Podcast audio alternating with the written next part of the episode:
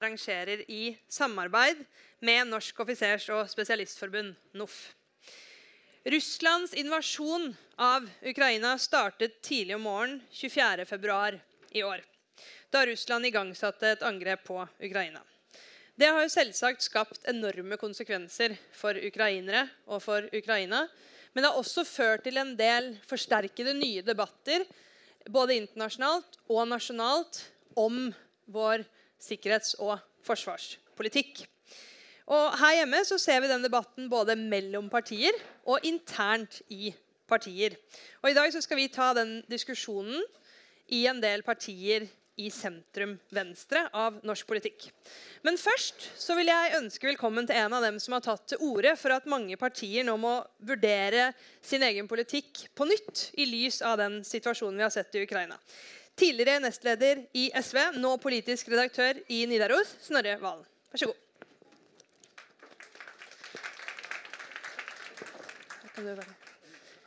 du, kan velge hvor lang, lang avstand du trenger.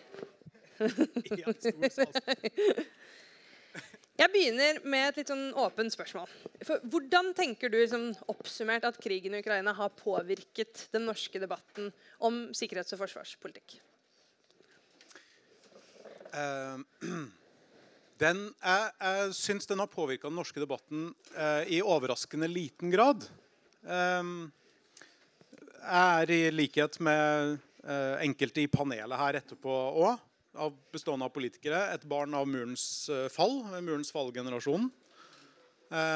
Og det er det store internasjonale øyeblikket og politiske øyeblikket som forma veldig mye av hvordan vi lærte at verden fungerer. Husker det veldig godt. Foreldrene mine syntes det her var fryktelig viktig. De hadde sånn glad alvorstunghet over seg. Satt meg ned i sofaen og pekte på TV-en og sa det her må du få med deg, for det er kjempeviktig. Og i åra etterpå så gikk jo vi på skolen og lærte at nå er verden friere enn før. Den kommer til å bli mer og mer fri, mer og mer åpen. Eh, hvis du handler med andre land, så skaper det fred, og det skaper demokrati og det skaper respekt for menneskerettigheter. Eh, og det betyr at min generasjon i hvert fall er lite trent på å, innse at verden er et veldig farlig sted. Og kan være et veldig farlig sted. Um, og det virker som om det er et syn som har festa seg i store deler av norsk politikk òg. Og det betyr at jeg synes debatten om Ukraina i Norge har båret litt mer preg av at vi syns det er en veldig fæl ting som skjer et annet sted. Noen ganger enn noe veldig alvorlig som angår oss sjøl i høyeste grad. Og Sånn sett så syns jeg den norske debatten skiller seg litt både fra den svenske og den finske debatten, og, og, den tyske for den saks skyld. Det er ganske mange store politiske omveltninger som allerede skjer som følge av Ukraina-krigen, som ikke er i nærheten av å se i Norge. Mm. Mang en klok politisk analyse mistet helt sin politiske relevans mandag forrige uke da Putin tok av masken og demonstrerte for all verden hvem vi alle har tillatt ham å bli, har du skrevet i en kronikk i VG. Eh, og så har du spesielt pekt på at det er venstresiden i politikken som må utvikle nye svar når verden har forandra seg. Hvorfor er det spesielt viktig at det er partiene der som gjør det? Um, ja, det var et lurespørsmål. Fordi, fordi Grunnen til at jeg skrev til venstresiden, var fordi jeg sjøl har bakgrunn på venstresida, og fordi det var venstresida den teksten var retta mot. Og fordi jeg mener det er akutt viktig at venstresida tar den debatten. Og så må det sies at krigen i Ukraina utløser et behov for erkjennelse og refleksjon i alle politiske bevegelser i Norge, syns jeg. da. Jeg synes, eh, nå husker jeg ikke navnet i forbifarten, men En i ledelsen i Høyres studenter skrev en veldig bra tekst om det her i Minerva. Eh, der han beskriver nettopp den naiviteten høyresida har utvist da, i trua på at økonomisk blidgjøring av eliten i diktatur fører til fred og sikkerhet. Uh, og Det synes jeg er en veldig viktig debatt å ta f.eks. på norsk høyreside. bare. Men på venstresida syns jeg den sikkerhetspolitiske tenkninga lenge lenge før Ukraina-krigen har vært prega av um, et, et, veldig sånn behov for å lese stater som rasjonelle aktører som samhandler med hverandre, og med en oppsiktsvekkende liten interesse for å forstå de politiske endringene som skjer i land. Og det syns jeg er rart. Uh, Venstresida er opptatt av maktanalyse, av maktforhold, og burde vært de første som identifiserte hvor galt det kan gå når vi ser den politiske utviklinga vi har sett i Russland de siste 20 åra. Eh, men det har ikke venstresida greid denne gangen. Istedenfor har venstresida synes jeg, vært ortodokse og veldig opptatt av å, å, å eh, tviholde på en analyse av hva det er som skaper stabilitet i Europa, som ikke passer med den nye virkeligheten. Og den nye virkeligheten er at vi har et naboland som er ikke bare autoritært, men på vei inn i, i totalitært styre. Som er ekspansjonistisk, som har imperieambisjoner. Som har uh, oppløst enhver sannhet i det offentlige rom. Gjennomsyra av løgn og propaganda. Uh, og da nytter det ikke lenger å si at det viktigste i sikkerhetspolitikken er å ikke tirre naboen i øst. Da kan man ikke basere sin alliansepolitikk eller sin analyse av internasjonale institusjoner Eh, på at det viktigste er ro og fred. Da må man både erkjenne at de internasjonale institusjonene vi er en del av, og ikke er en del av, da, i EUs tilfelle, også endra funksjon den 24.2. potensielt. Og gå inn i det med et uh, litt mer åpent sinn enn jeg syns den norske venstresida har gjort. Mm. La meg ta tak i det, for Nå tok du det opp selv. for Det er jo ikke bare Nato du refererer til. Du mener også vi trenger en ny debatt og diskusjon om, om EU. Hvorfor er det viktig i en sånn sikkerhets- og, og forsvarspolitisk diskusjon? Litt av den grunnen jeg nettopp sa. altså i, i, norsk politikk så er det vanlig å skille veldig sånn tydelig mellom sikkerhetspolitikk på den ene sida og så sånn ekte politikk som foregår i land og blant folk flest på den andre sida. Som om det er to helt sånn adskilte verdener. da. Eh, der du på den ene sida har velgere i et land med sine interessekonflikter og motsetninger og saker som må løses. Og så har du land. Og så legger du nærmest til grunn at land opptrer på samme måte som folk. Eh, men sånn er det jo ikke. Og det betyr at internasjonale samarbeid og internasjonale institusjoner blir et produkt av de faktiske fysiske, eller for å si det med venstresidas språk, da, materielle omstendighetene de er en del av. Og Den 24. februar i år så endra Europa seg for alltid på en måte som vi ikke er i nærheten av å forstå omfanget av enda. Og det utløste en krise som vi sannsynligvis er nødt til å leve med på et eller annet vis i resten av våre liv. Og Da syns jeg det er en selvfølge at hvordan vi analyserer sikkerhetspolitikken, hva slags internasjonale samarbeid venstresida mener det er strategisk og taktisk riktig å være en del av og ikke, at det må vurderes på ny. Og Det handler vel så mye om intellektuell redelighet som hvilket standpunkt man til slutt lander på igjen. Men situasjonen er så fundamentalt ny at det må vurderes på nytt. Og det, Um, det syns jeg det er for lite vilje til å gå inn i med et litt sånn ærlig og åpent sinn. da, mm. I norsk politikk, og spesielt på norsk venstreside. Hva er det du skulle ønska deg, da? Nei, altså For det første skulle jeg ønske meg at at, um, uh, at man ser en nordisk forsvarsallianse in spe da, når, når, den er der, rett foran deg. Altså, Eh, jeg syns de, de, grunnleggende endringene i, i, i, finsk og svensk sikkerhetspolitikk som er underveis nå, i seg sjøl bør utløse denne debatten. Um, jeg synes det er ganske talende at Sverige nå er i ferd med å forlate nesten 200 års sammenhengende nøytralitet. Nøytralitet er en grunnleggende del av svensk identitet. Du trenger ikke se lenger tilbake enn til norsk krigshistorie for å se hvor djupt ideen om svensk nøytralitet stikker. Den forlater de nå. Og det gjør de jo ikke fordi det politiske etablissementet i Sverige plutselig har blitt kjempeglad i Nato. Det gjør de fordi de mener det har skjedd en reell endring i deres sikkerhetspolitiske omgivelser som fordrer fundamental nytenking. Og Jeg har problemer med å se at nabolandene Sverige og Finland har gode grunner til å tenke gjennom ting fra starten av på nytt, mens vi i Norge liksom har funnet ut alt da, fra før av i 1949, 72 og 94. Eh, mm. Men du, du kritiserer jo venstresiden og, og høyresiden også for å ikke tenke nok nytt. Men så har du også pekt på at, at det mer egentlig er et generasjonsspørsmål enn et fløyspørsmål. Det var jo litt sånn du innleda med i stad eh, eh, også, om at vi har vokst opp i en på en måte litt sånn fri verdensorden. Ikke sett for oss situasjoner som, som, eh, som dette. Hvordan tenker du at det liksom har påvirka eh, måten vi har tenkt framover på sånne spørsmål? Um ja, altså, jeg, jeg, er egentlig ikke noe tilhenger i det hele tatt av å liksom tillegge politiske standpunkter til når du er født. Men jeg tror ikke det er noe tvil om, og det syns jeg Ola Svenneby, for eksempel, som er leder i Unge Høyre, har pekt veldig sånn bra på, at eh, generasjonen over min da, har hatt en, en nesten helt sånn grenseløs sjøltillit på vegne av egen trygghet, egne politiske standpunkter i åra som fulgte etter murens fall, og som nå har størkna til litt. Og For høyresidas del som jeg var inne på i sted, så har det innebært en sånn her klokkertro på at så lenge du driver business, så går det her bra, og det ordner seg. Og på venstresida så har det ført til at du egentlig ikke har hatt en grunnleggende ny utenrikspolitisk, altså gjennomgående utenrikspolitisk analyse siden murens fall. Du har beholdt de delene som fortsatt passer. Og så har venstresida hatt rett i veldig mye. Hatt rett i sin kritikk av Natos out of area-politikk, rett i sin kritikk av krigene i Midtøsten, som har vært katastrofale. Men det betyr ikke at du har rett i din analyse av situasjonen i dag.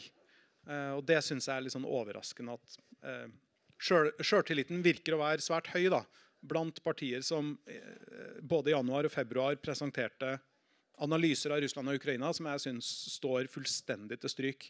Og som kanskje mest alvorlig av alt utviser en nesten helt fraværende interesse for den politiske og fascistiske utviklinga i russisk politikk som har fått foregå over lang tid, som har fått påvirke vestlig politikk i mange år. At det har kunnet skje mens den vestlige venstresida har vært mest opptatt av å snakke om eh, Russland som et offer for Natos ekspansjon østover, og sånn, det tror jeg vil stå seg veldig dårlig i ettertida. Men er det ikke en fare også for at vi, hvis vi gjør sånn som du sier, eh, også kan havne i en annen grøft? Du pekte jo også på liksom kritikken mot Natos out of area-operasjoner. og I forbindelse med at Norge trakk seg, eller at man trakk seg ut av Afghanistan, så lovte jo flere politikere her hjemme at nå skal vi se kritisk på det vi har vært en del av. Hvis vi nå ender en situasjon hvor Nato eh, blir svaret på alt, mm. hopper vi da over en annen grøft? Ja, altså Hvis man plutselig begynner å mene at det var genialt å være 20 år i Afghanistan og gå til angrep på Irak, og, uh, og sånn, så, så, helt klart. Da har man gått i en motsatt grøft. Eller hvis man plutselig mener at alt USA har foretatt seg av folkerettsstridige kriger opp gjennom åra, har vært kjempesmart som følge av krigen i Ukraina, så er det selvfølgelig å gå i en grøft.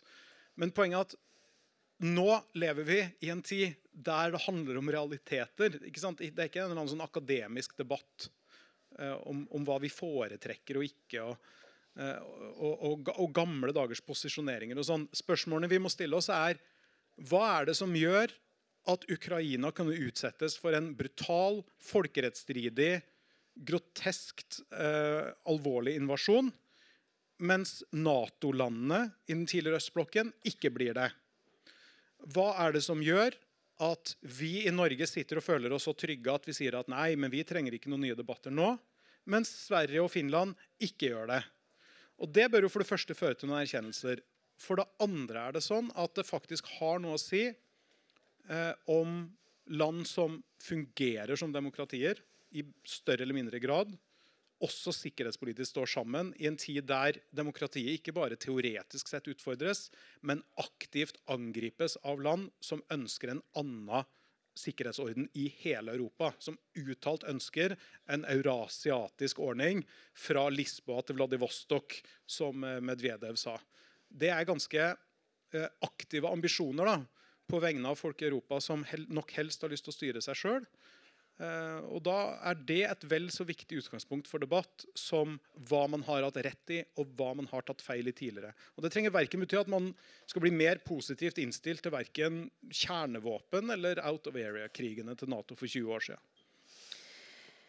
Hva, hva, tror du skal be deg om å spå litt eller tenke litt fremover, hva tror du om debatten framover? Tror du at vi vil få en, en forsterka diskusjon med et liksom, annet utfall om Nato i i Rødt og SV, og det samme når det gjelder EU i, i Arbeiderpartiet og Senterpartiet. De skal få svare selv etterpå, men du kan jo eh, gi oss en lite ønsketenkning eller spådom. Jeg tar alltid feil når jeg spår, så det, det, skal jeg ikke gjøre. Nei, men jeg tror um, Jeg tror noe av det viktigste er å um, altså starte fra grunnen igjen. Hva, hva, er det som gjør at man befinner seg på venstresida. Slåss for uh, mindre forskjeller, uh, maktfordeling, frihet, demokrati.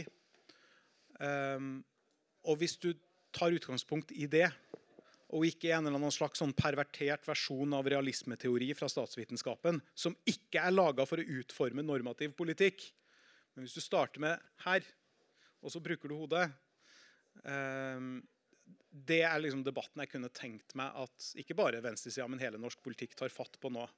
Fordi det her er et så utrolig viktig øyeblikk um, som er viktig å møte med praktisk politikk, viktig å møte med pengebevilgninger, viktig å møte med humanitær hjelp, viktig å, å møte med våpenbistand, spør du meg. Men det er også viktig å ta seg tida til å grundig gå gjennom vel, kanskje det standpunktet her vi har slåss for i 20 eller 30 år, Kanskje det faktisk må revurderes. Og kanskje ikke det er noe skam i å gjøre det. Kanskje det er sånn at omstendighetene faktisk har forandra seg. Um, jeg hører ofte det blir nevnt som eksempel at SV for eksempel, ble stifta på Nato-motstand i sin tid. og Det er vel omtrent et like relevant argument som at Arbeiderpartiet i sin tid ble stifta for kommunistisk revolusjon, eller at Høyre i sin tid ble stifta for å hindre de mest ytterliggående utvidelsene i den allmenne stemmeretten. Altså, Partier er mye mer enn skapelsesmyter. De må òg være relevante verktøy for å løse politiske problemer her og nå.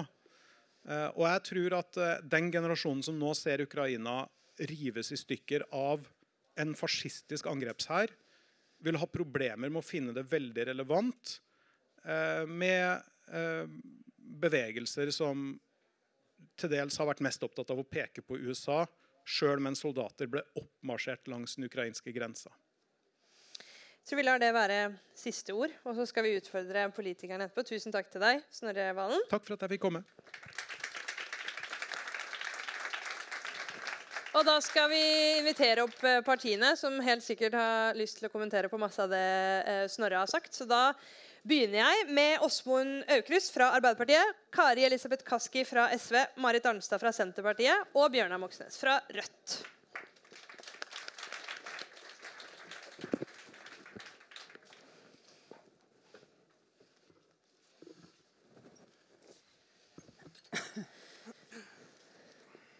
Jeg begynner jeg med å stille dere det samme spørsmålet jeg stilte Snorre Valen først uh, her. Hvordan har krigen i Ukraina endra den norske debatten om forsvars- og sikkerhetspolitikk? Jeg begynner med deg, Bjørnar. Uh, nei, på et par områder, i hvert fall. Uh, det ene er at det har vært et skifte i debatten om det norske forsvaret. Uh, lenge så var jo premisset for forsvarsdebatten i Norge at det var helt utenkelig, helt utenkelig med, med en krig i Europa. Det var altså grunnlaget for at man i realiteten la ned invasjonsforsvaret. Altså ikke mann, men ulike partier gjorde det. Eh, og innretta Forsvaret mot angrepskrig i Natos regi eh, i asiatiske og afrikanske land. Eh, det har endra seg. Det er en forandring. Flere partier enn Rødt og SV snakker om å styrke invasjonsforsvaret. Eh, å kunne ha en utholdenhet også på egne bein, ikke være eh, avhengig fullt ut av amerikanerne. Eh, og egentlig gjenreise forsvarsevnen. Så der er det et paradigmeskifte som jeg håper også vil få utslag i konkret forsvarspolitikk framover. Og så er det vel sånn at at uh, selvsagt så vil jo de som alltid har vært for Nato, nå prøve å si at alle må være for Nato. Eh, altså Borgerlige medier prøver jo naturligvis å, å stemple Rødt da, som Putin-etterplaprere. Eh, og bruker jo situasjonen for den er verdt. Eh, men det er ikke noe overraskelse. Og det er helt greit at eh, Dagens Næringsliv, eh, VG og Aftenposten eh, mener det.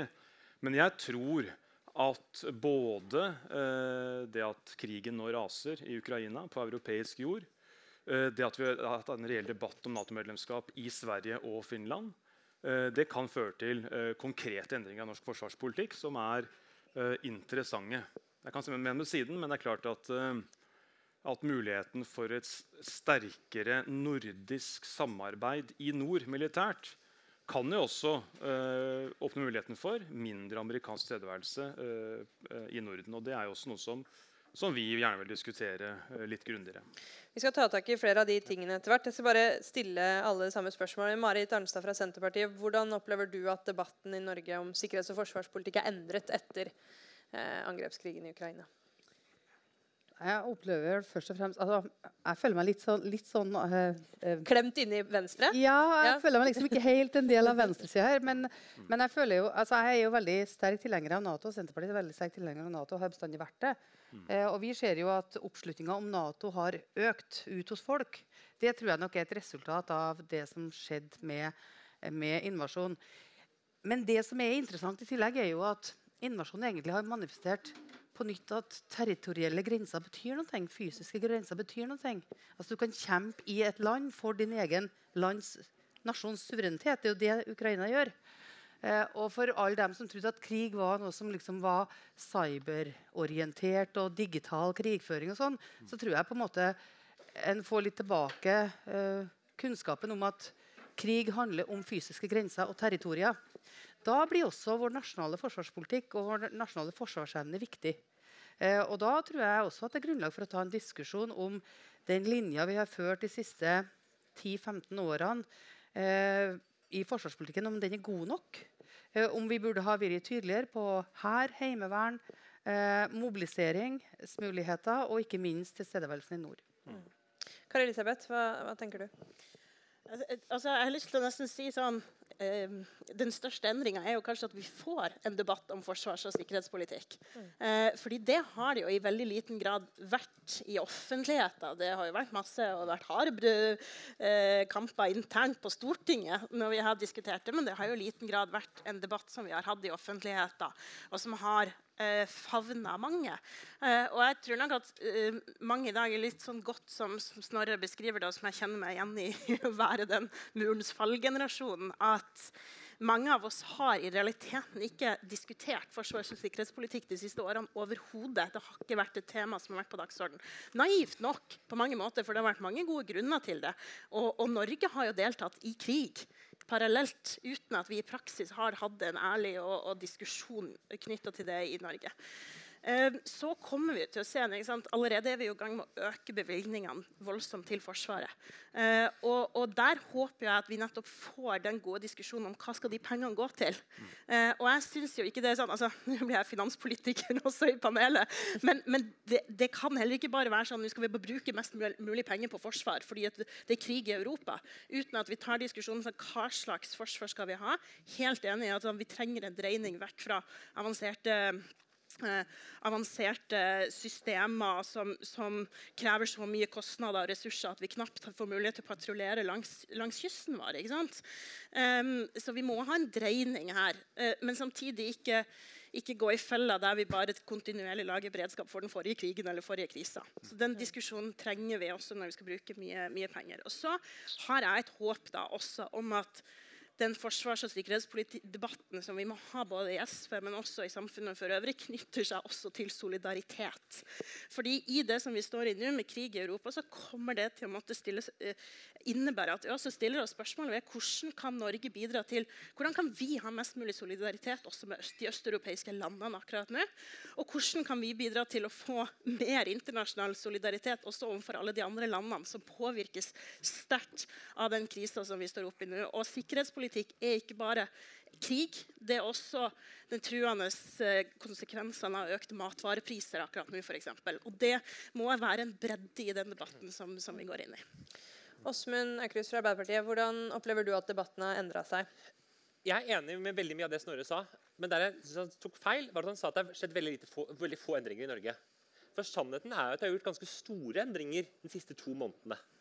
Altså, da, vi, da, Russland gikk til krig mot Ukraina, det var vel en torsdag 24.2, eh, så var alle partier på Stortinget motstandere av å sende våpen.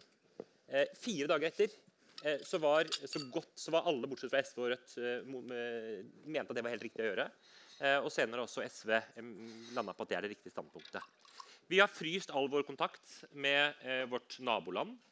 Vi er med på de største sanksjonene Norge noen gang har hatt. Så på, på veldig mange områder har det jo gått i et forrykende tempo. Eh, det som vi jo ikke helt vet ennå, er hvordan debatten om sikkerhetspolitikk blir. Og jeg er helt enig med det Karl Elisabeth sier, at eh, det er veldig bra vi får diskutert det. Og, og jeg tror Vi har jo i og for seg diskutert sikkerhetspolitikk, men det er veldig sånn teoretisk. Det handla om eh, teorier eh, og ja, litt sånn dogmer eh, om hva, man, hva, slags analyser du har av verden. Nå vet vi at sikkerhetspolitikk er jo egentlig det viktigste i livene til folk. Fordi at Hvis folk ikke lever trygge og frie liv, da blir på en måte alt det andre litt uvesentlig. Eh, og vi ser jo nå at Når det gjelder, så eh, er det jo ikke bare DN Bjørnar, som står opp for, eh, at, for Nato-medlemskap. 96% av befolkningen mener det. Rødts velgere er det store flertallet som også mener det. Og Nå ser vi jo også at debattene går med et veldig fort tempo i Sverige og Finland. Jeg leste, I forrige uke så leste jeg et par av kapitlene av Jens Christian Hauges, biografien om Jens Christian Hauge. Og Han beskriver jo hvordan Norge og Sverige tok forskjellige valg. Eh, fordi at Norge, Vi hadde akkurat vært i krig sjøl. Eh, vi var okkupert gjennom, eh, av tyskerne. Eh, vi hadde sett hvordan eh, det hadde vært et kupp i Tsjekkoslovakia. Vi trengte en eksplisitt sikkerhetsgaranti. For eh, svenskene så holdt at de trodde på en måte at amerikanerne kommer til å redde oss. Men nå sier, ser jo de at eh, de også trenger en like eksplisitt sikkerhetsgaranti som det, som det alle andre land gjør. Eh, Jeg mener at Det er solidarisk å si at nå ønsker vi Sverige og Finland velkommen til Nato. Og ikke minst så åpner de opp for veldig mange diskusjoner om hvordan vi kan få til et mer nordisk samarbeid. Jeg synes jo Det som skjer nå, er utrolig spennende. eh, fordi at eh, Da kan vi gjøre mye mer sammen. Ha mye mer treninger sammen, ha mer innkjøp sammen. Vi kan til og med gjøre litt forskjellige innsats, innsatsfordeling. Fordi at Det vi skal være forberedt på nå, er jo at for Nato så vil det som skjer i øst og i sør, kanskje være det viktigste. Og det som skjer i vår del av verden, i nord og i nordområdene, må vi være mer beredt på å ta mer ansvar sjøl. Derfor er det helt åpenbart at vi også må investere mer i Forsvaret. Eh, få mer personell, eh, få bedre, bedre våpen, mer trening. Eh, men Karl Elisabeth har jo helt rett. Det er jo ikke sånn at 1 milliard ekstra nødvendigvis gir bedre forsvarsevne. Så det blir jo nå det som vi må diskutere. Og ikke minst så blir det spennende nå som alle land gjør det samtidig. Så det kommer til å være både en, en prisgalopp og ikke minst en stor, en stor ja, Problemet å rett og slett få det vi ønsker oss. Kari Elisabeth og Bjørnar, Marit Arnstad sa hun ikke følte seg litt beklemt mellom dere. De har jo vært eh, for Nato lenge, og det er jo ikke eh, dere. Og da du skulle oppsummere debatten litt i stad, så jeg fant ikke så mye liksom, selvkritikk eller kritisk blikk på egen politikk eller i møte med denne krisen eller i lys av denne krisen. Tenker du at den forsvars- og sikkerhetspolitikken Rødt står for, er passende i 2022? Altså, Jeg har kanskje dårligere hukommelse enn Snorre. for jeg, altså Murens fall, da var jeg åtte år. Eh, men det som kanskje forma min generasjon, var jo egentlig eh, krigen mot terror. Eh, det vi har sett på 2000-tallet, altså de endringene som har vært dramatiske. og kanskje særlig merkbare for mennesker i, i fattigere land enn europeiske land. Det har jo forma flere generasjoner av sosialister i veldig mange land, også i Norge. Og så er det helt riktig at Nato-debatten har jo ikke vært på dagsorden. Altså, Rødt og SV har vært, er eh, mot Nato-medlemskapet. Eh, resten er for. Men det har ikke vært noen reell debatt om dette. Eh, så, så argumentene eh, har jo ikke vært, vært helt up to date. Det skal jeg ærlig innrømme. Og så er jo det interessante kanskje at man ser en, en sånn enøyd form for antiimperialisme i noen bestemte, forholdsvis marginale, men like fullt veldig verbale miljøer på ytre venstre fløy. Nemlig at eh, man er mot eh, amerikansk imperialisme og har gode grunner for det. Eh, og så er man veldig for imperialisme hvis Russland gjennomfører det. Og det er jo en, en sånn hylende, uprinsipiell dobbeltmoralsk og hyklersk politikk som jeg opplever at det har veldig liten støtte i Rødt. Men det fins miljøer som, som fremmer en sånn type pro-russisk agenda som er skadelig. Eh, og så er det klart at eh, Vi vil jo da si at, eh, at det er dumt å være enøyd altså i begge retninger. Det er ikke sånn at fordi at nå Russland avslører at de er en aggressiv, ekspansjonistisk stormakt, så betyr det at Nato-medlemskapet ikke binder Norge til den største imperialistmakta i verden. For det gjør det jo. Så kan man si at det er verdt den prisen fordi at vi får en sikkerhetsgaranti artikkel 5 i bytte mot det. Og da er det verdt det, det som da følger med, på lasset med medlemskapet. Men det er helt åpenbart at for eksempel at vi nå får amerikanske baser på norsk jord, er jo ikke et norsk ønske. Det vet at det har USA bedt om. Og så sier Stortinget ja til det, fordi amerikanerne syns det er viktig. Deltakelsen i Libya og Afghanistan var ikke noe som Norge fant på, men det er noe som følger med som en del av føringene med et medlemskap for å holde seg inne med USA for å være sikker på at de kommer til vår redning hvis det trengs. Så vårt syn er kanskje at eh, vi fører litt sånn på en måte, Ikke tofrontskrig, da, det blir feil begrep, men at vi eh, både prøver å strekke opp noen tydelige, knallharde eh, skillelinjer eh, mot disse miljøene som er unnskyldende overfor Russland. Eh, Det er viktig at vi ikke har noe rom for det politisk, for det er som sagt hyklersk og det er proimperialistisk. Og samtidig at vi har en nøktern analyse av hva egentlig USA er, og hva som er amerikanske interesser økonomisk, militært, eh, i verden, som ikke forsvinner Fordi om Putin viser seg å være en autoritær, eh, diktatoraktig figur. Men får vi en ny debatt om Nato i Rødt? Uh, ja, altså det er medlemmer som uh, er helt uenig. Uh, og, og, det kommer til å bli diskusjon om det. Men det jeg tror det jeg tror kanskje flertallet syns er mer interessant og viktig å diskutere enn selve medlemskapsdebatten, det er jo hva, hva gjør vi når, hvis, når Sverige og Finland eh, går inn. Eh, åpner noen rom for en, helt, for en, annen type alliansepolitikk innenfor Nato? Eh, kan han noe si i forhold til amerikansk tilstedeværelse på norsk jord? Eller skulle vi bare si liksom at eh, da melder oss ut av, av, debatten fordi det er med i Nato per definisjon? så der tror jeg det kommer til å bli mer debatt. Og så håper jeg at, at de større partiene, pro Nato-partiene, er åpne for en sånn type debatt. Og ikke bare, som jeg opplever, veldig ofte avviser det og gjør det amerikanerne ber om, stort sett, jf. den uh, behandlinga av uh, baseavtalen som kommer til behandling i Stortinget uh, før sommeren. Eh, Kari Elisabeth Kaski, SV er jo heller ikke for norsk medlemskap i i Nato. Og I likhet med Rødt så har dere også tatt til orde nå senest i dag ved nestleder Torgeir Knag Fylkesnes for en nordisk forsvarsallianse. Og Det er jo interessant all den tid man har den diskusjonen som både Snorre og Åsmund har pekt på her, med, med to nye land i Norden som, som vurderer eh, medlemskap i Nato. Er det realistisk i det hele tatt å snakke om en nordisk forsvarsallianse utafor Nato? Altså, jeg mener at situasjonen er åpenbart fundamentalt endra dersom og når Sverige og Finland går inn i Nato. Det, det tror jeg liksom vi må bare ha en, en fullstendighet enighet om, og en ærlighet om. Eh, fordi Norge og Færøyene sammen er på en måte ikke en, det er ikke en forsvarsallianse. Det er ikke det dere går inn for? Nei. Nei. Um, så, så, så, det er klart at det endrer ting. Um, og, og, på samme måte som Russlands angrep på Ukraina endrer situasjonen i verden. Og det, det gjelder gjelde, den diskusjonen må gjelde for alle partier. etter mitt syn. Det krever jo at vi har en nyorientering i den hele den norske forsvars- og sikkerhetspolitikken. fordi at situasjonen er grunnleggende annerledes. Og jeg synes at man ikke kan miste av syne det som er også um, et ganske viktig poeng her. og Det er at det er et tilnærma fascistisk regime som går til angrep mot et demokrati i Europa. Jeg eh, og mitt parti står langt unna Zelinskyj i, i, Ukraina, men det er et demokrati. Eh, og det er et fascistisk regime som vi ser i, i Russland nå. Derfor mener jeg det er så ufattelig viktig også å bidra til at Ukraina kan vinne den eh, krigen i den grad det er mulig å snakke om vinnere. Fordi hva skjer hvis et fascistisk regime kan gå inn og ta over et annet demokrati i Europa? Trusselen som det innebærer også for de øvrige nabolandene, er reell. Eh, og det må være venstresida sin aller viktigste rolle til enhver tid å kjempe mot fascismen. Og det har vi gjort i mange mange tiår, og det må vi fortsette å gjøre. Og så eh, kommer det til å bli, og det er diskusjon i SV, og det mener jeg er helt naturlig på Nato-standpunktet vårt. Altså, vi er jo et parti som, som er, som Snorre var inne på, tufta på Nato-motstand, på sikkerhets- og forsvarspolitikk. Det, det, er veldig mange som er enormt opptatt av det i SV. Eh, og da skulle det bare mangle at vi diskuterer det. Og selv om jeg er helt enig med Snorre i at Um, et parti må alltid endre sin politikk. så det har egentlig, altså sånn, Den praktiske verdien av at vi er tufta på det, skal jo ikke avgjøre vårt standpunkt for alltid. Men vi skal ha med oss at vi er et parti som består av de samme folka som var med å stifte partiet. på den bakgrunnen. Og de hadde gode grunner til det.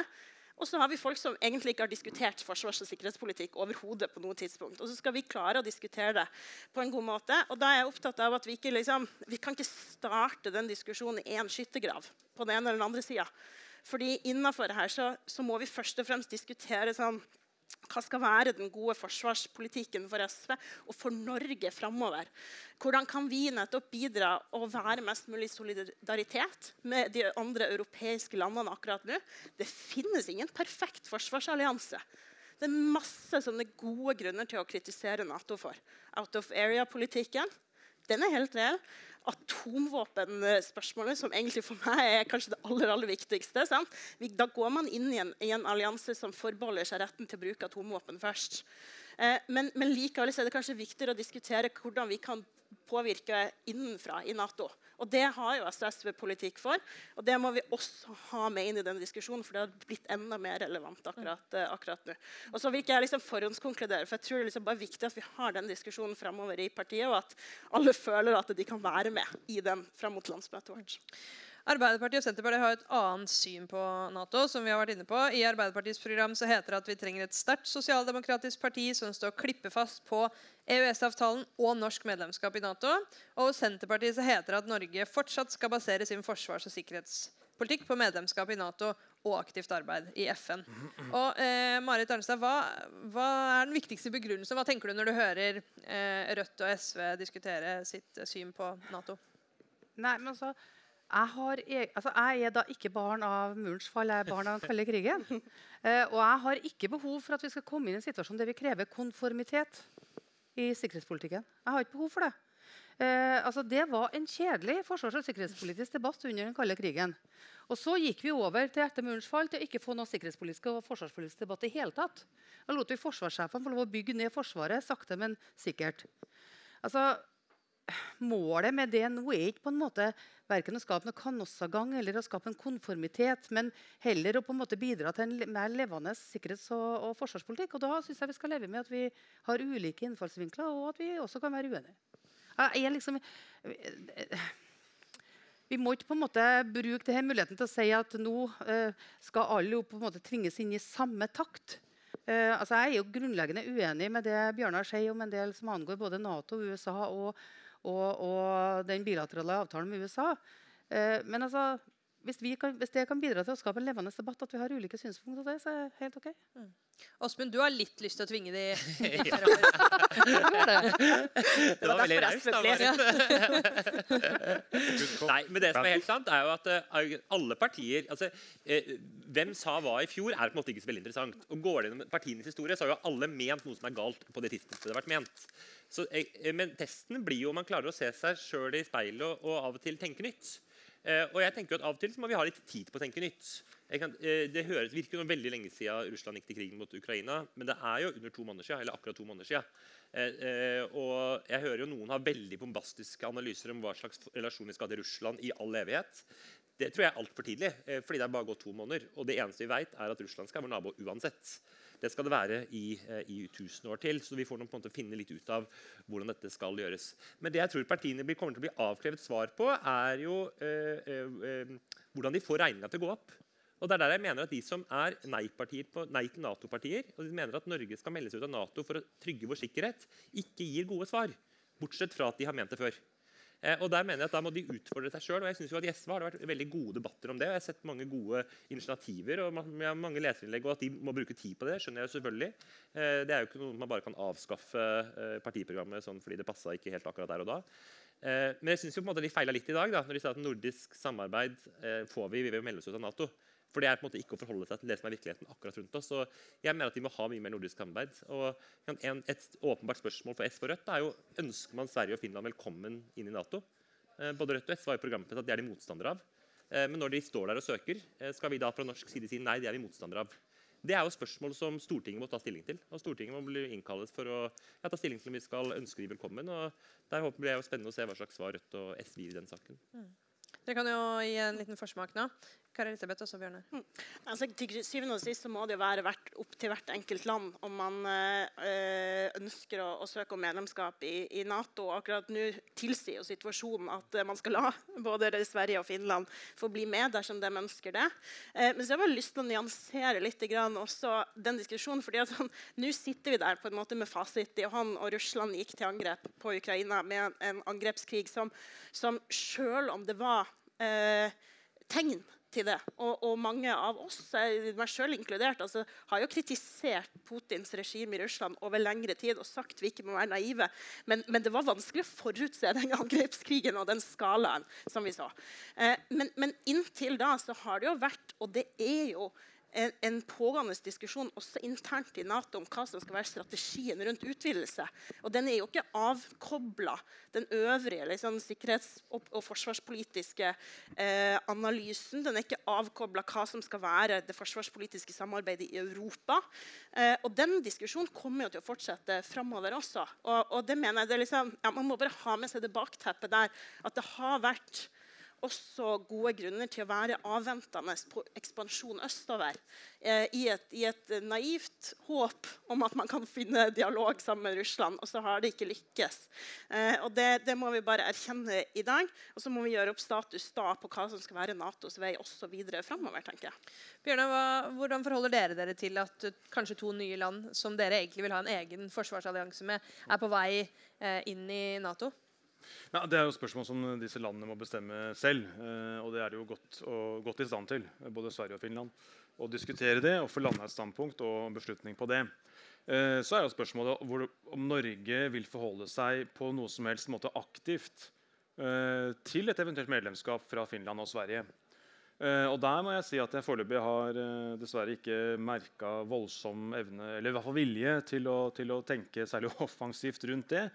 Uh, jeg tenker jo, og vi tenker jo at, at, hvis de går inn i Nato, og det er situasjonen fra, fra sommeren med, med, med, medlemskapssøknad, så bør vi jo finne ut da, om det kan gi grunnlag for en sterkere samla nordisk slagkraft. Til sammen er vi jo sterkere enn Ukrainas forsvar når legger sammen disse tre, land, disse tre landene pluss Danmark. Og også diskutere litt reelt da, om hvor klokt det kanskje er at vi i en situasjon hvor de landene skal inn i Nato sannsynligvis, samtidig, før den er avgjort, binder norsk sikkerhetspolitikk enda tettere til USA med en bilateral avtale som skal vedtas i Stortinget før sommeren. Uh, og altså, Apropos snakk altså, om vilje til uh, både nytenkning og, og reell diskusjon. Én ting er jo at, uh, at liksom regjeringas talking heads sier at basepolitikken ligger fast. Og de har jo semantisk rett i det. Fordi enhver regjering til enhver tid definerer jo innholdet i basepolitikken. Men altså, reelt sett er det bare prat. fordi at vi må stille oss spørsmålet blir prinsippet bak basepolitikken brutt eller ikke. Det er det relevante spørsmålet. Og det, her er det samme toner fra både Ap nå som fra Høyre før valget. at Basepolitikken ligger fast. Det står i dokumentene ligger fast. Men hvis man i realiteten tilrettelegger for permanente amerikanske baser på norsk jord Ja, ja man skal rotere personellet. Selvsagt. Enhver base må rotere personell. Alle, alle skjønner jo det. De kan jo ikke være der til evig tid. Hvis det i realiteten er en fundamental endring av det som har vært en norsk selvpålagt restriksjon i 70 år, som har vært her av en grunn, så bør det tas en runde på, også med tanke på et eventuelt finsk og svensk Nato-medlemskap. Men der altså har vi nå gjort noe forsøk på det. Eh, og det er altså ingen vilje til å diskutere det engang. Og det syns jeg er litt underlig, fordi det her legger jo føringer også for norsk sikkerhetspolitikk de kommende tiårene med en så grunnleggende endring av det som har vært, eh, vært ligget som en bærebjelke i altså 70 år. Åsmund, du meldte deg bare veldig kort. Ja, Bjørnar, nå er du ikke helt ærlig. For det, det bildet du tegner nå, er jo ikke helt sant. Eh, eh det er sånn at Bjærebjelken i norsk sikkerhetspolitikk gjennom 70 år har vært at vi skal ha et Nato-samarbeid. Og Det er ingenting i den avtalen som betyr utenlandske baser, selv om Rødt sier det. Det jeg sa i stad om at SV, vi ønsker, vi ønsker, Finland og Sverige velkommen Du sier det opp til Finland og uh, Sverige sjøl. Vel, sannheten er at i Rødts partiprogram står det at dere ikke vil ha dem med. Og dere må på Stortinget ta stilling til det. Eh, for vi må ta stilling til hva som er norsk politikk i denne saken. Jeg synes det er litt talende Bjørnar, at Når du sitter her og diskuterer sikkerhetspolitikken i Europa med tanke på Russlands krig mot Ukraina, så er du mest opptatt av å kritisere USA og regjeringa for å være for USA-vennlig. Og det mener jeg at det er det noen refleksjoner som ikke har gått helt inn i Rødt, i hva slags ny verden vi lever i, og hvordan det som har vært prinsipprogrammet til Rødt, ikke stemmer med dagens kart. Du får svare. Ja, nei, hva skal man si til det? Altså, det er noe sånn at Vi eh, respekterer jo landets rett til selvbestemmelse. så Det kan du velge å tro på eller ikke tro på, men det er for vårt standpunkt. Eh, og så kan vi mene at, at, eh, at, vi ønsker, at, vi er mot norsk Nato-medlemskap, og det står vi fast på. Og det har gode grunner. Jeg har ikke hørt ett argument fra Arbeiderpartiet for, for, altså, som kontrer oss på det som er USAs reelle, faktiske rolle i verden når det kommer til landet utenfor Nato. Så Den hansken plukker de aldri opp. så det er noe så. Eh, men, eh, men, det er klart at eh, Sverige-Finland må bestemme selv om de vil inn eller ikke.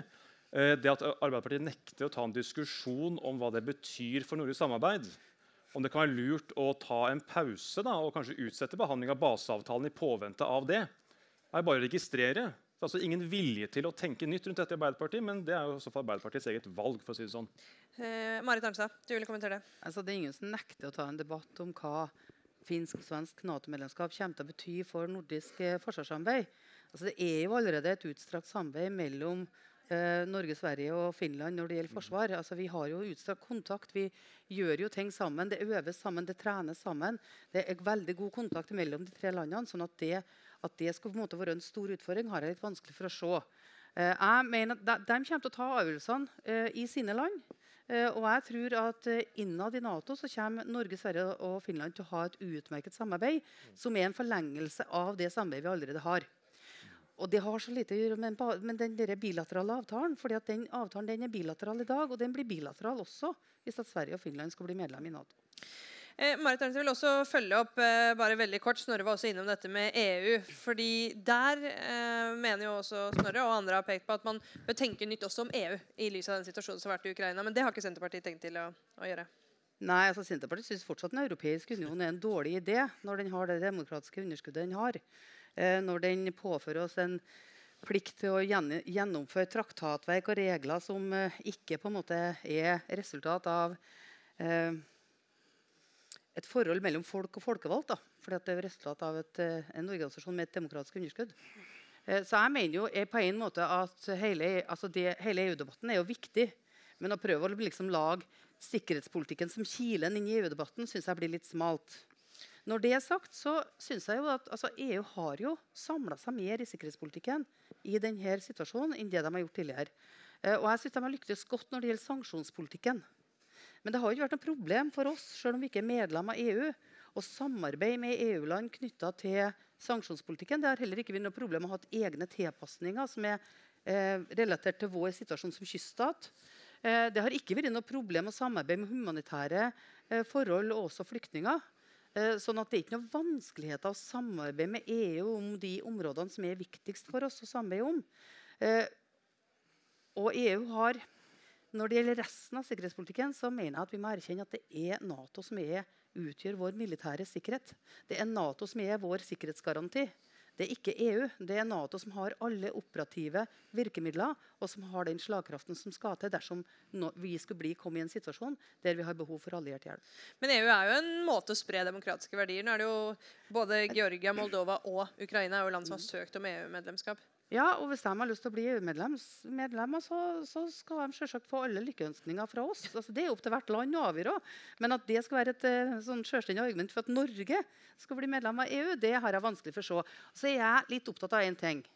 Og det er kanskje litt rart da, fra en Senterpartipolitiker, men jeg er litt opptatt av å være litt forsiktig med å si vestlig demokrati. Da. Fordi at det finnes demokrati andre plasser i verden enn i Vesten òg. Kan vi ikke si det å snakke om demokratiske nasjonalstater som står opp imot det stadig mer aggressive og autoritære Russland? Men det er jo sånn at det finnes land i andre verdensdeler som også er demokrati.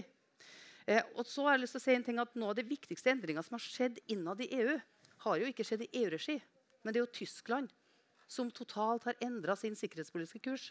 Og det er det nasjonalstaten Tyskland som først og fremst har gjort, ikke EU som organ. Åsmund, Arbeiderpartiet har jo litt sånn tja-forhold til EU. Eh, og dere står jo fast på Nato. Men her er det jo en mulighet til å å se liksom, politikken sin eh, i lys av, uh, på nytt da, i lys av det som har skjedd i Ukraina. Det er det. Og Europa er veldig forandra.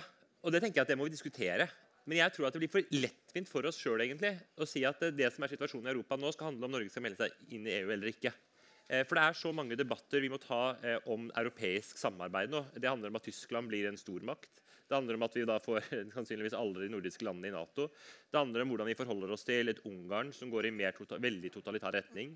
Eh, Polen, som vi jo har, har, mange negative sider og gått i veldig gal retning.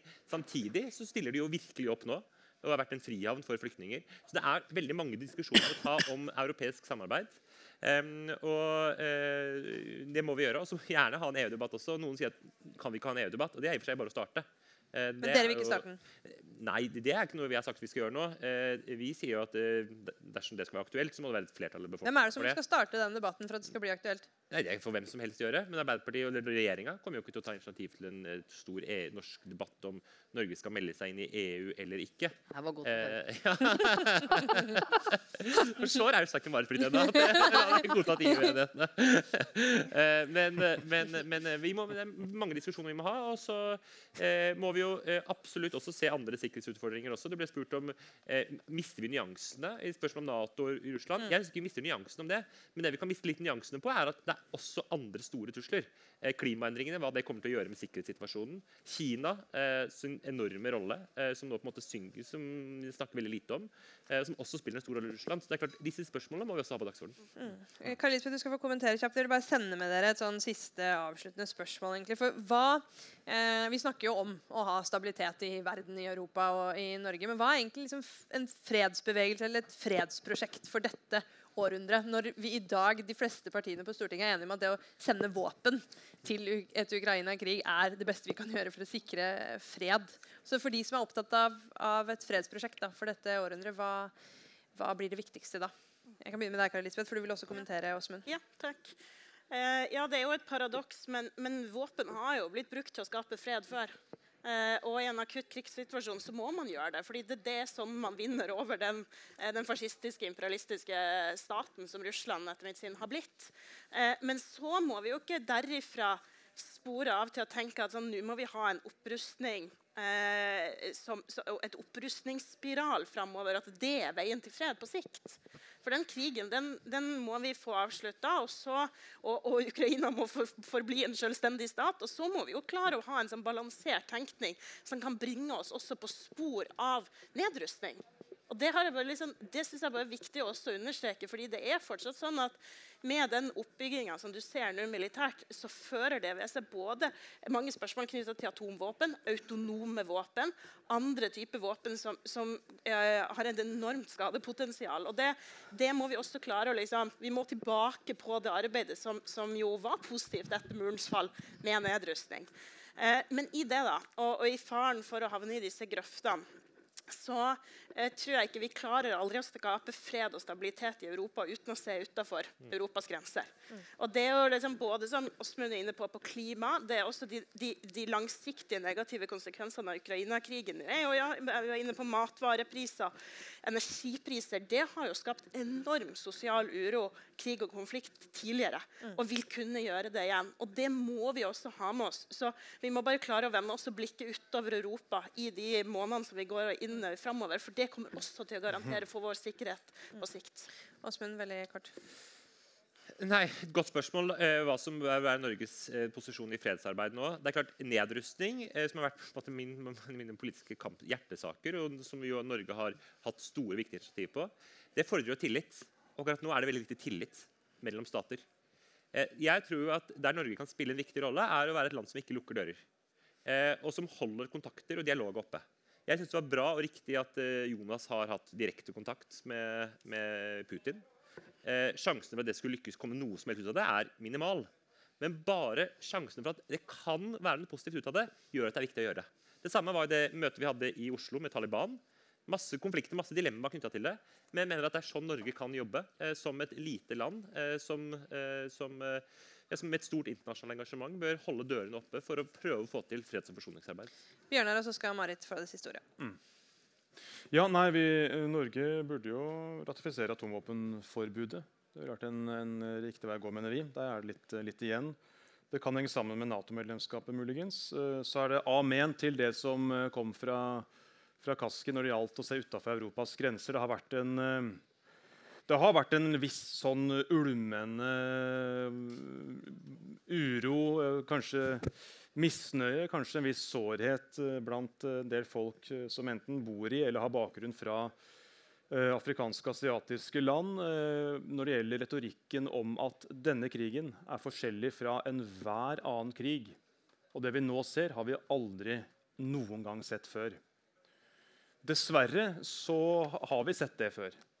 Eh, dessverre har vi sett kriger som har eh, ført til millioner flyktninger, enorme menneskerettighetsbrudd, vanvittige overgrep, drap på uskyldige siviler altså i enorme, enorme tall. Men det har gått utover mennesker eh, i fattigere land med annen hudfarge enn de som nå rammes i Ukraina. Uh, og den uh, forskjellsforståelsen av krigens uh, lidelser den har en del med rette reagert mot. Eh, fordi at alle disse ofrene fortjener den samme måte, omtanken og det samme egentlig raseriet eh, mot krigens eh, herjinger. Så klart mye av Norges rolle for å skape fred eh, ligger jo i solidaritet med, med, de landene som er dårligere stilt enn oss, også utenfor Europas grenser. Og så ligger det naturligvis i hvordan vi ivaretar rollen vår som en nabo til Russland. Altså Vi ligger der vi ligger. Vi har ikke et atlanterhav mellom oss og, og Russland. Så spørsmålet er jo om Norge er i stand til og vil ta valg som kan balansere avskrekking og beroligelse, eller ikke. Og Der kommer debatten naturligvis inn om baseavtalen og lignende, for dette handler om balansen mellom eh, nasjonal eh, suverenitet på den ene sida og amerikansk tilstedeværelse på andre sida. Så det er klart det her mener jeg, har også en betydning for uh, Norges rolle for å kunne dempe konflikter og spenning uh, i nord. Marit Arnstad, siste ord. Jeg skal prøve å være litt uh, kort, men to ting. Mi- i- Midt i det bildet vi er i nå, altså akkurat nå, så er, det jo, er vi jo mest opptatt av å bidra både økonomisk og med våpen og andre ting Ukraina trenger i kampen mot Russland. Eh, og Det er liksom vår oppmerksomhet her og nå. På et eller annet tidspunkt så må det også skapes grunnlag for en form for politisk dialog eller politisk forhandling. Også i det krateret du nå har midt i Europa. Det er det ene. Men, og på, som jeg vil lyst til å understreke, og det andre jeg har lyst til å understreke er at eh, på mellomlang sikt så vil jeg svare mat. Fordi jeg blir litt mørkredd ved tanken på det som nå ligger en to-tre år foran oss når det gjelder mangelen på tilgang til særlig korn og matkorn i verden. Det kan skape nye konflikter som vi i dag ikke ser rekkevidden av. Tusen hjertelig takk skal dere ha. Før vi oppsummerer og gjør ferdig denne kvelden, så skal vi oppsummere diskusjonen litt. Så vi skal få med oss eh, Torbjørn Bongo, som er leder i Norsk offisers- og spesialistforbund. Tusen takk til dere.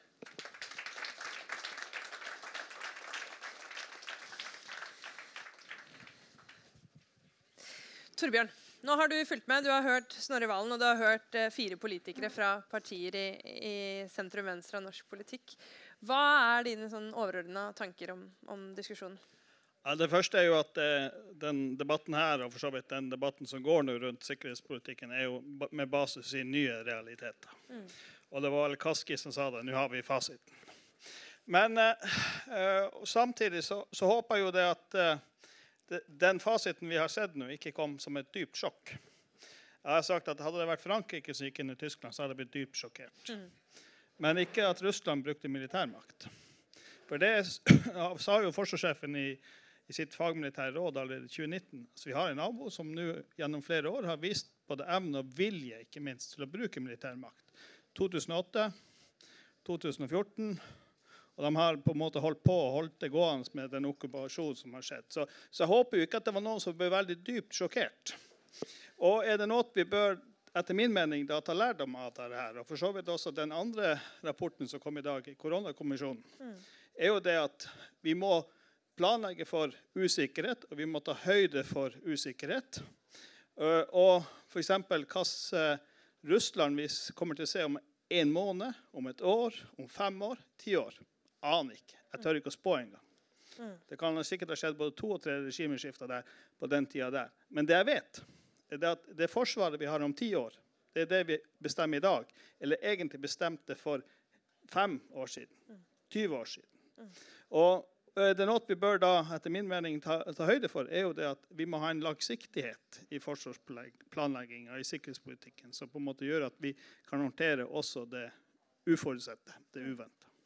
Åsmund Aukrust understreket at det er jo tross alt bare eh, litt over to måneder siden Russland invaderte eh, Ukraina. Men, men det har vært en del debatt de to månedene. Hva tenker du har vært det viktigste eller mest overraskende eller nye som har kommet fram i den norske sikkerhetspolitiske og forsvarspolitiske debatten?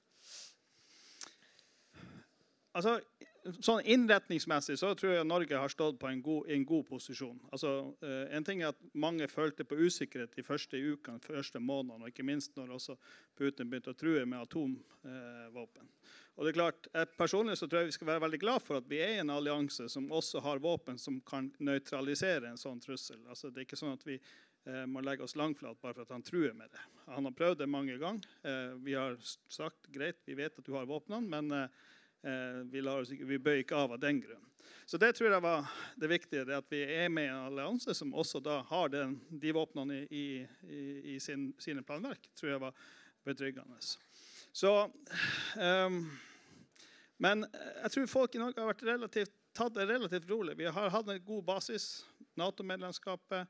Det, det, har gjort at vi, vi har, Folk har hatt litt lavere skuldre i Norge enn det jeg opplever i både Sverige og Finland. Jeg opplever også debatten går Mm.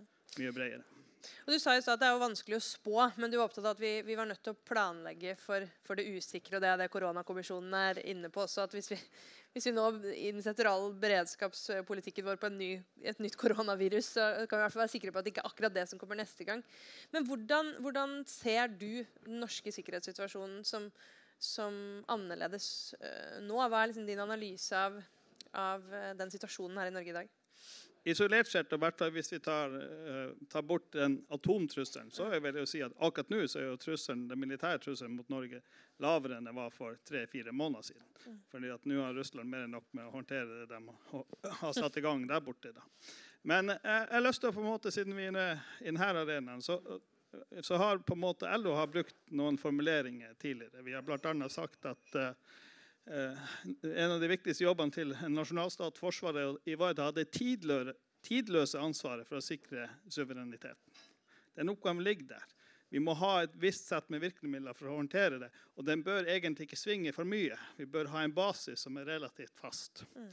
Og Det andre også som nå står i LO sitt handlingsprogram, er at vi skal ha et forsvar som har med basis, et balansert nasjonalt forsvar med basis i hjemlige oppgaver. Mm. Det er klart det var nok også for så vidt eh, En del av den diskusjonen Moxnes var for så vidt innom der. Også, hva var fokuset på 2000-tallet? Hvor var det de hadde fokus på? Også da sa vi og for så vidt LO at vi må ikke glemme det vi skal håndtere hjemme, og den nasjonale sikkerheten. Men så skal vi heller ikke nå, når vi skal fokusere hjem, eller glemme det vi driver på med ute og ute i verden. Jeg tror fremdeles det å bidra i FN-operasjoner og eventuelt andre operasjoner er viktig og bør være en prioritert oppgave for både Forsvaret og landet. Mm. Og det har du rett i. Jeg opplevde egentlig at alle fire var for så vidt enige at Forsvaret nok over tid at vi, vi, kanskje ikke har vært kritiske nok til den utviklingen i satsinger eh, på Forsvaret over tid. Og at eh, alle ønska seg liksom, en diskusjon om, om, det. Hva tenker du er de viktigste grepene for å, for å gjøre oss bedre rusta eh, sånn sikkerhetsmessig i Norge framover? Denne diskusjonen ser man jo i andre land. Plutselig har man en diskusjon i Tyskland om å bruke veldig mye mer penger eh, på forsvar. Så denne diskusjonen kommer jo i andre land. Hva ønsker dere dere? En stabil forsvarsutvikling. En stabilitet som gjør at vi kan planlegge 10-15-20 år frem i tid. Dette skal vi ha. Dette skal vi ha litt uavhengig hvor mye ting svinger. Eh, og så skal jeg også si det at eh, vi sa det før krigen, vi sier det også nå. Det, det er at vi har en nabo. Geografien kommer sannsynligvis ikke til å endre seg så veldig mye de nærmeste 100 årene. Så det å finne en balanse mellom avskrekking og beroligelse også, Det var valid i høst, det er valid nå. Og det er sannsynligvis valid også fem-ti år frem i tid. Så et stabilt forsvar som gjør at vi kan håndtere de situasjonene vi tror kan dukke opp, og at vi finner en fornuftig balanse, og at vi finner de gode samarbeidsmekanismene både i Norden, Europa og i verden som sådan, hvor vi respekterer de organene som fins. Mm. Tusen hjertelig takk til deg, eh, Torbjørn Bong, og tusen takk til alle som kom. Og for de som vil høre det igjen, eller kjenner noen som gjerne kunne tenke seg å høre på det, så blir dette eh, arrangementet lagt ut som podkast på Tankesmien Agenda sin Soundcloud-profil i etterkant. Tusen hjertelig takk.